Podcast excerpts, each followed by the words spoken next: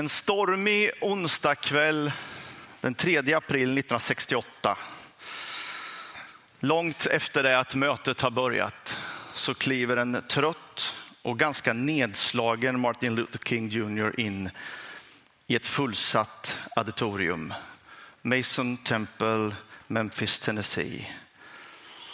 Det är den afroamerikanska pingströrelsens högkvarter, Church of God in Christ. 3000 människor har samlats. Man trodde inte att någon skulle komma därför att det var stormvarning. Alla varnade, åk inte dit. Och Martin Luther han skickade sin närmsta kollega och så sa han, ta det här du, jag orkar inte idag. Kings vänner beskrev honom som deprimerad, trött och sliten. I tolv år hade han hållit på med sin kamp för mänskliga rättigheter. I tolv år hade han rest land och rike runt, ordnat strejker, bojkotter, hållit sina tal, samlat människorna. Framgångarna fanns där, men också väldigt mycket motgång. 1954 redan så slängde någon en bomb mot familjens hus. Den briserade. 1960 blev han knivhuggen när han satt och skulle signera sin första bok. En hårsmån från döden. Han blev fängslad och hoten var nog gastkramande. Men nu var det dags att möta de utsatta, de hårt kämpande. Den här gången var det renhållningsarbetarna som hade fått nog i Memphis.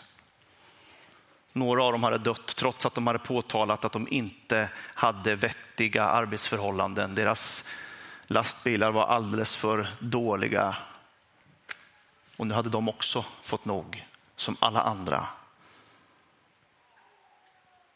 Och Martin Luther King Jr var där. Och han höll det som kom att bli hans sista tal. Han visste inte om det, ingen visste, inte om, ingen visste om det. Men morgonen därefter så blev han skjuten och gick ur tiden. Många säger att det här är Martin Luther Kings bästa tal. I've been to the mountain top. Han talar om kampen för frihet som ekat genom världen. Den afroamerikanska delen av befolkningen har fått nog. Amerika skryter om att de är ett fritt land. Man har en konstitution som man inte följer. Han lyfter berättelsen om den barmhärtige samariten och han säger att leviten och prästen de frågade när de såg den slagne mannen, vad händer med mig om jag hjälper honom? Men samariten han vände på frågan och så sa han, vad händer med honom om jag inte hjälper honom? Vad händer med våra systrar och bröder om vi inte hjälper dem? Och han avslutar sitt tal så profetiskt som någon bara kan. Hoten har haglat tätt. Planet, flighten till Memphis var bombhotad och han orkar liksom inte mer. Men eh, du ska faktiskt få lyssna på de där två sista minuterna av hans absolut sista tal innan vi går vidare.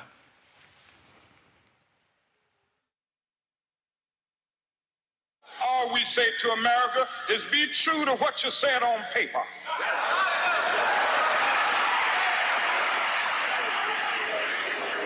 If I lived in China or even Russia or any totalitarian country, Maybe I could understand some of these illegal injunctions. Maybe I could understand the denial of certain basic First Amendment privileges because they haven't committed themselves to that over there. But somewhere I read of the freedom of assembly. Somewhere I read of the freedom of speech. Somewhere I read of the freedom of press. Somewhere I read that the greatness of America is the right to protest far right.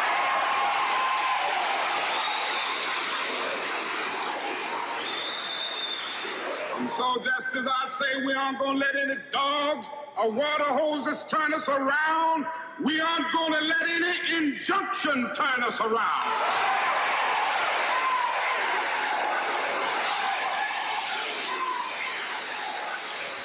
Well, I don't know what will happen now. We've got some difficult days ahead. But it really doesn't matter with me now because I've been to the mountaintop. I don't mind. Like anybody, I would like to live a long life. Longevity has its place. But I'm not concerned about that now. I just want to do God's will. And He's allowed me to go up to the mountain. And I've looked over and I've seen the promised land. I may not get there with you, but I want you to know tonight that we as a people will get to the promised land.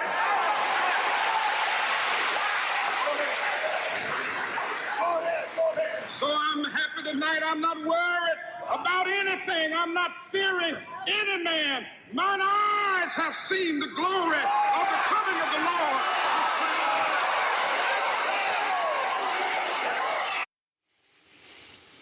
Det där ska man titta på varje gång innan man predikar. hörni.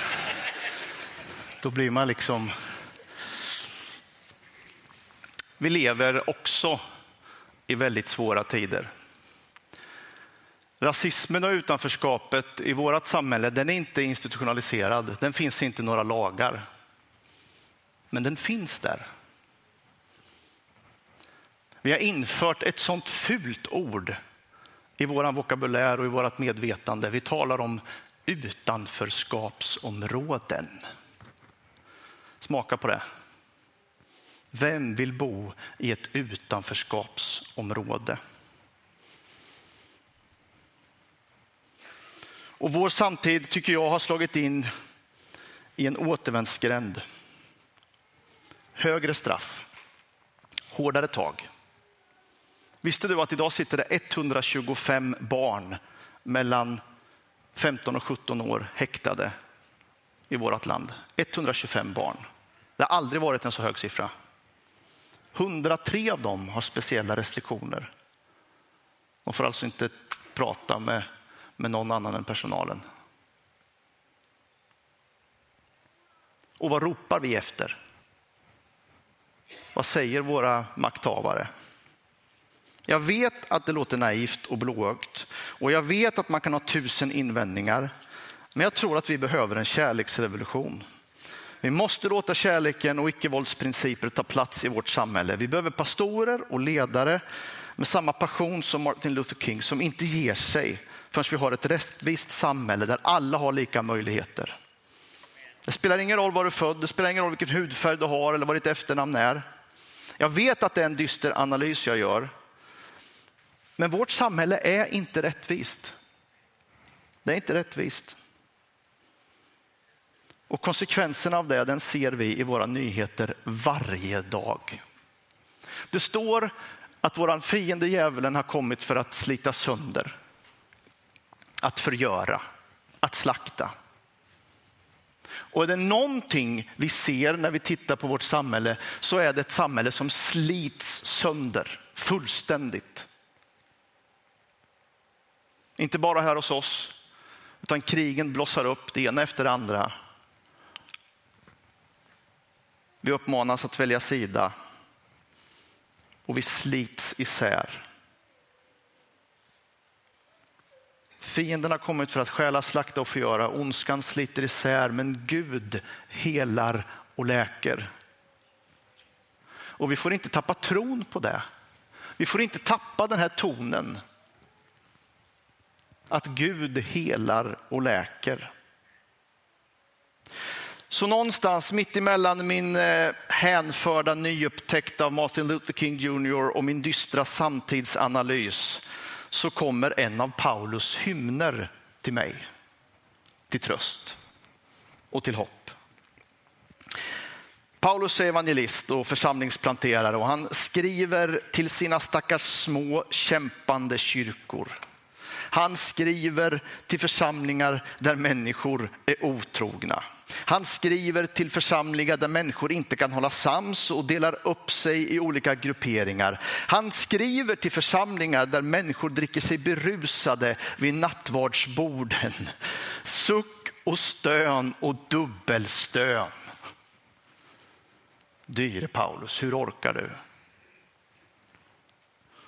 Och sen i några av hans brev, helt plötsligt, så är det som om han hänförs. Så är det som att han ser någonting annat. Det är som att han blir tagen till en annan plats, till en bergshöjd och han ser någonting större och någonting viktigare och så påminns han om hur allting håller samman, hur allting hör ihop vad som är det viktiga och vad som är det riktiga i livet. Och de passagerna brukar kallas för Paulus hymner. Och idag så skulle jag vilja utgå ifrån en av dem när vi avslutar den här serien om Bibelns sånger. Och jag vet att det är ett litet skohorn, men som predikant har man rätt att ha ett sånt där skohorn ibland om det är något man vill ha sagt. Vi vet ju inte riktigt om det är en sång. Vi vet inte om det är ett, ett material kanske från gudstjänsten som han hade tagit till sig och, och så. Men jag tänker att Paulus brister ut i lovsång när han skriver följande. Han är den osynlige Gudens avbild. Den förstfödde i hela skapelsen. Ty i honom skapades allt i himlen och på jorden. Synligt och osynligt, troner och herravälden, härskare och makter. Allt är skapat genom honom och till honom. Han fanns före allting och allting hålls samman i honom och han är huvudet för kroppen, för kyrkan. Han som är begynnelsen, förstfödd från de döda till att överallt vara den främsta. Ty Gud beslöt att låta all fullhet bo i honom och att genom hans blod på korset stifta fred och försona allt med sig genom honom och till honom, allt på jorden och allt i himmelen. Jag tror att det här är en hymn för vår tid.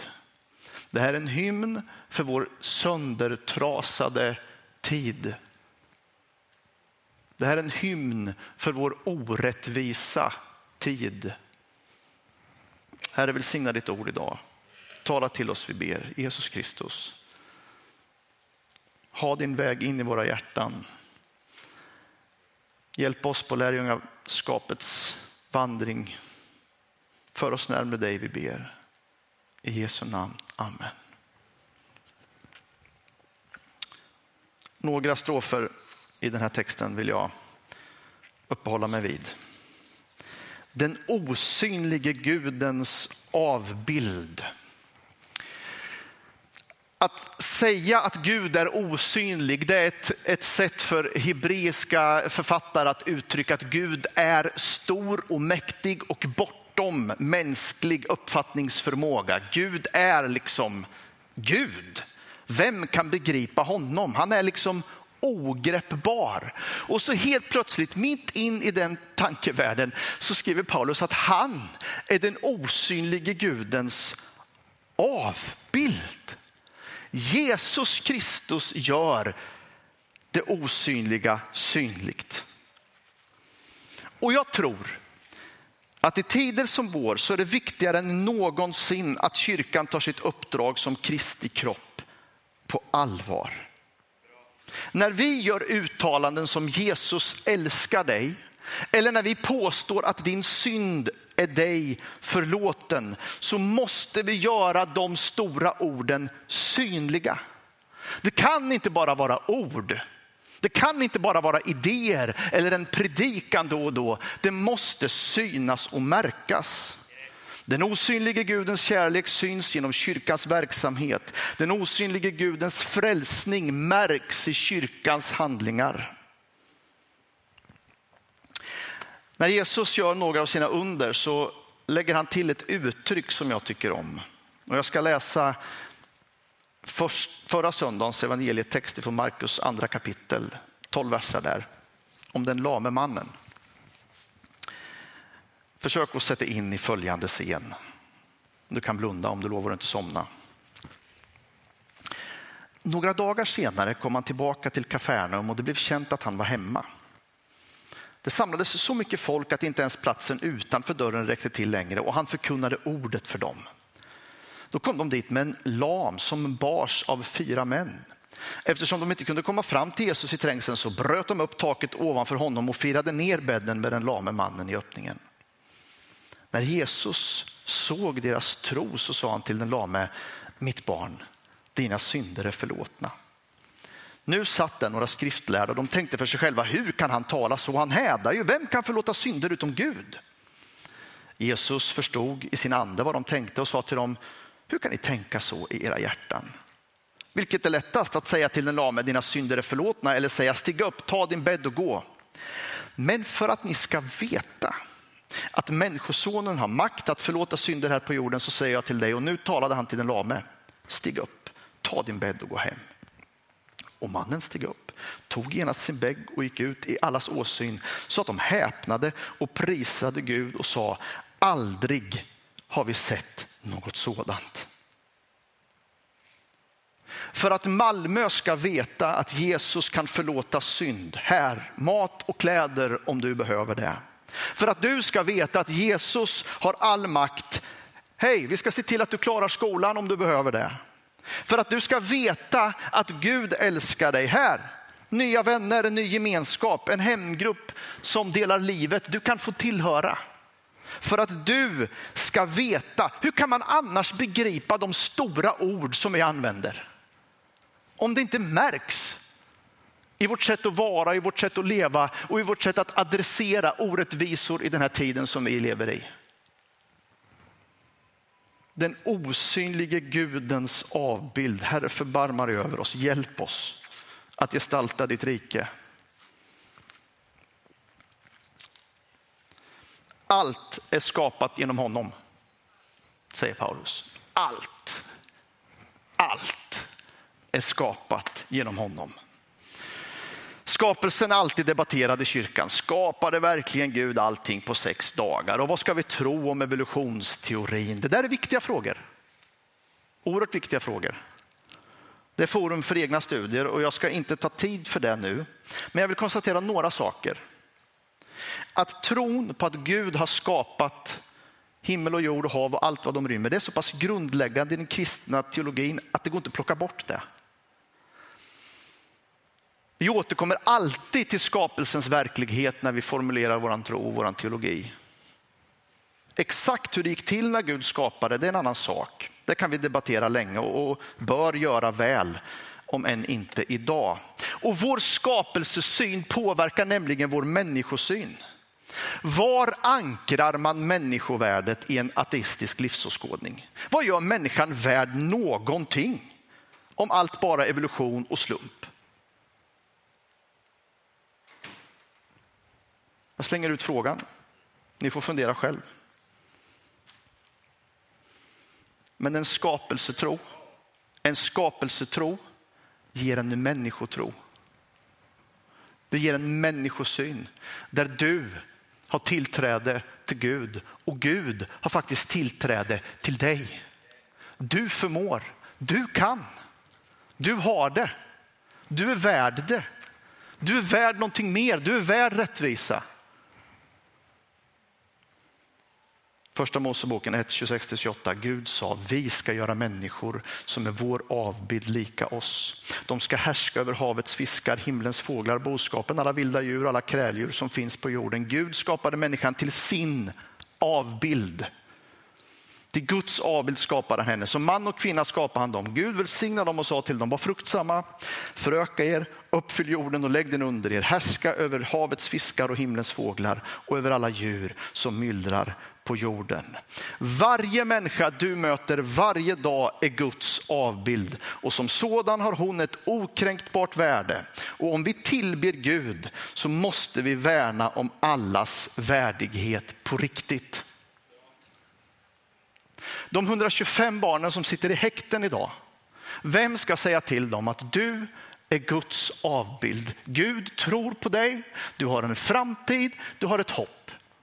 Det finns en plats för dig som inte är gängen. Det finns en gemenskap för dig som inte är kriminell. Kyrkan. Det är vårt uppdrag. Hur ska vi göra det? Det har ni. Jag bara vet att vi ska det. Vi ska det. Och det sista då, som Paulus ropar ut till vår tid. Och jag hoppas att jag gör hans rop till mitt rop. När Paulus säger att i Kristus så har Gud stiftat fred och försonat allt. Alltså vi förstår inte människan om, om vi inte tar hänsyn till synden. Vi förstår inte mänsklig existens om vi inte reflekterar lite över syndens verklighet i våra liv. Och nu tänker jag tillsammans med Martin Luther King, för han reflekterar väldigt mycket om synd. Och så tänker han så här, är synden bara individuell? Alltså är det bara du och Gud det handlar om? Är det bara din inre människa det handlar om? Eller finns det institutionell synd? Kan ett samhälle vara syndigt? Och han utgår naturligtvis ifrån sin eget, sitt eget liv. När ett samhälle liksom stiftar lagar som säger att du är inte lika mycket värd som de andra. Du får sitta längst bak i bussen, du får inte gå in i den affären. Ett sådant samhälle är ett syndigt samhälle. Och Paulus skriver i Romarbrevet 8, till skapelsen väntar otåligt på att Guds söner ska uppenbaras. Allt skapat har lagts under tomhetens välde, inte av egen vilja utan på grund av honom som vållade det. Men med hopp om att också skapelsen ska befrias ur sitt slaveri under förgängelsen och nå den frihet som Guds barn får när de förhärligas. Vi vet att hela skapelsen ännu ropar som i födslovåndor, också vi som har fått anden som en första gåva. Också vi ropar i vår väntan på att Gud ska göra oss till söner och befria vår kropp. Vi hänger ihop med allt, vänner. Och allt hänger ihop med oss. Därför kan synden i ditt liv få sådana konsekvenser att det liksom smittar av sig i hela samhället. Och därför kan rättfärdigheten i ditt liv få sådana konsekvenser att den smittar av sig i hela samhället. Att det får konsekvenser av att Gud har stiftat fred med mig och försonat mig med honom. Och det märks när vi går fram. Det märks när vi reagerar och agerar i den här tiden. Vi är fredsivrare, fredsbärare i en tid av så mycket konflikt.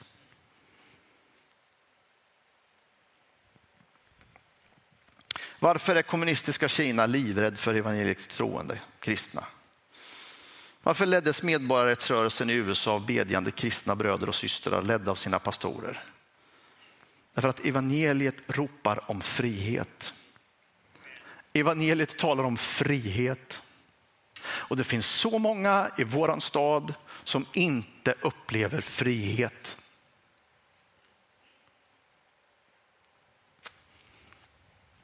Det rytande lejon som Martin Luther King var, det berodde på att han, han var själv ett offer, han var själv utsatt. Han hade fått nog och Gud använde honom.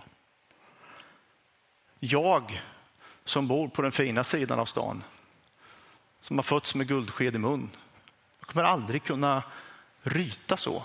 Jag kommer aldrig förstå. Jag kommer aldrig kunna föra talan. Men jag vet vad Gud har kallat sin församling till. Det vet jag. Och Gud vill frihet för de fångna.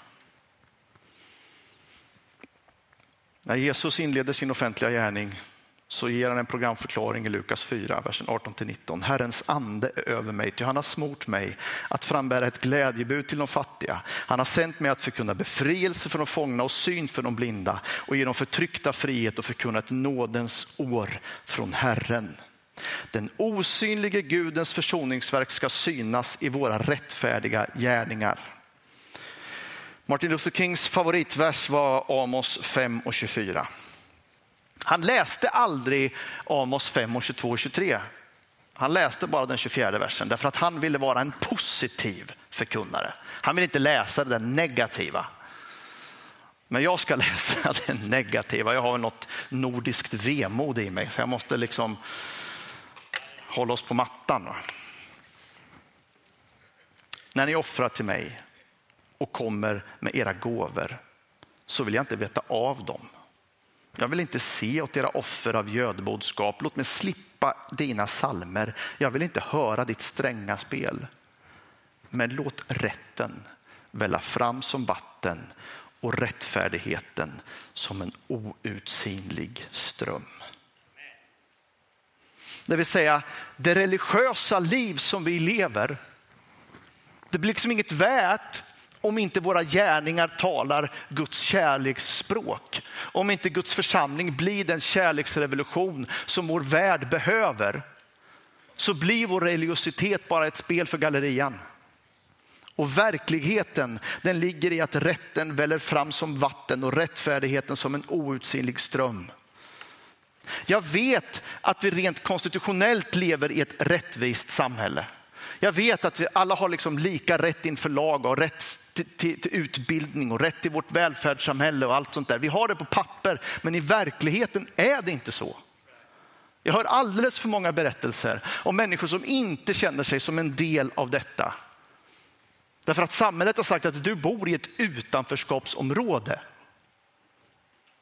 Och då är det min djupaste längtan och önskan och tro att Kristi församling är ett innanförskapsområde.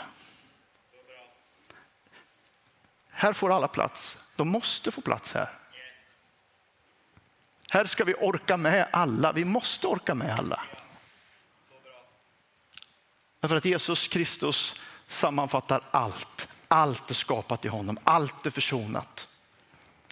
Och han är huvudet över allt. Ska vi resa oss upp, kyrkan.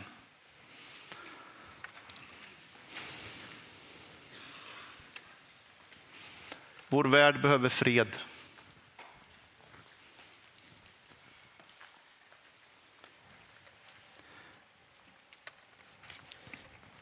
I det kaos som råder så önskar jag att du och jag fick göra samma upplevelse som Paulus fick göra. Att han fick befinna sig på en annan plats. Att han fick se någonting annat som var mycket viktigare för honom. Och jag önskar att du och jag blev placerade på den där bergstoppen som, som Mose stod på när han såg det förlovade landet, som Martin Luther King ansåg sig stå på när han såg liksom framtiden ljus och vacker. Därför att han hade sett att du ska komma tillbaka och ställa allting till rätta, Herre. Ställ din kyrka på den platsen så att vi får se din helighet. Ställ mig på den platsen så vi får se det ljusa, det goda, det vackra, det heliga du har skapat varje människa till, Herre. Hjälp oss att kämpa trons goda kamp i en tid som kräver det. Hjälp oss att tro på dig. Hjälp oss att tro på kärleken när ingen annan tror på kärleken. Hjälp oss att starta den här kärleksrevolutionen som vår stad behöver, Herre. Herre förbarma dig över oss.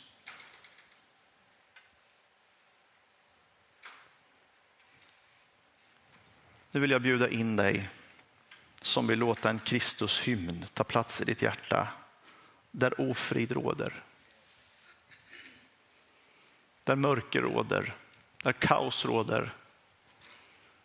Och så tänker du, kunde inte jag också få stå på ett sånt här berg och titta ut över någonting som är vackrare än det jag har runt mig just nu? Kan inte jag också få möta Jesus i en Kristushymn? Kan inte jag också få den sången, den tron? Vi vill be för dig. Och du som vet att du finns i ett sammanhang där, där rättfärdigheten skulle behöva synas lite mer, där rättvisan skulle behöva märkas lite mer, där Jesu kärlek skulle behöva synas och märkas och inte bara talas om. Vi vill be för dig. Och du som är trött på kamp och strid och utanförskap, kom och upplev Jesu innanförskap. Vi vill be för dig. Vi ska sjunga några sånger, våra förebedjare är redo att möta dig på vår förbönsplats. Och vi är inför Gud. Vad som helst kan hända. Varmt välkommen i Jesu namn. I Jesu namn.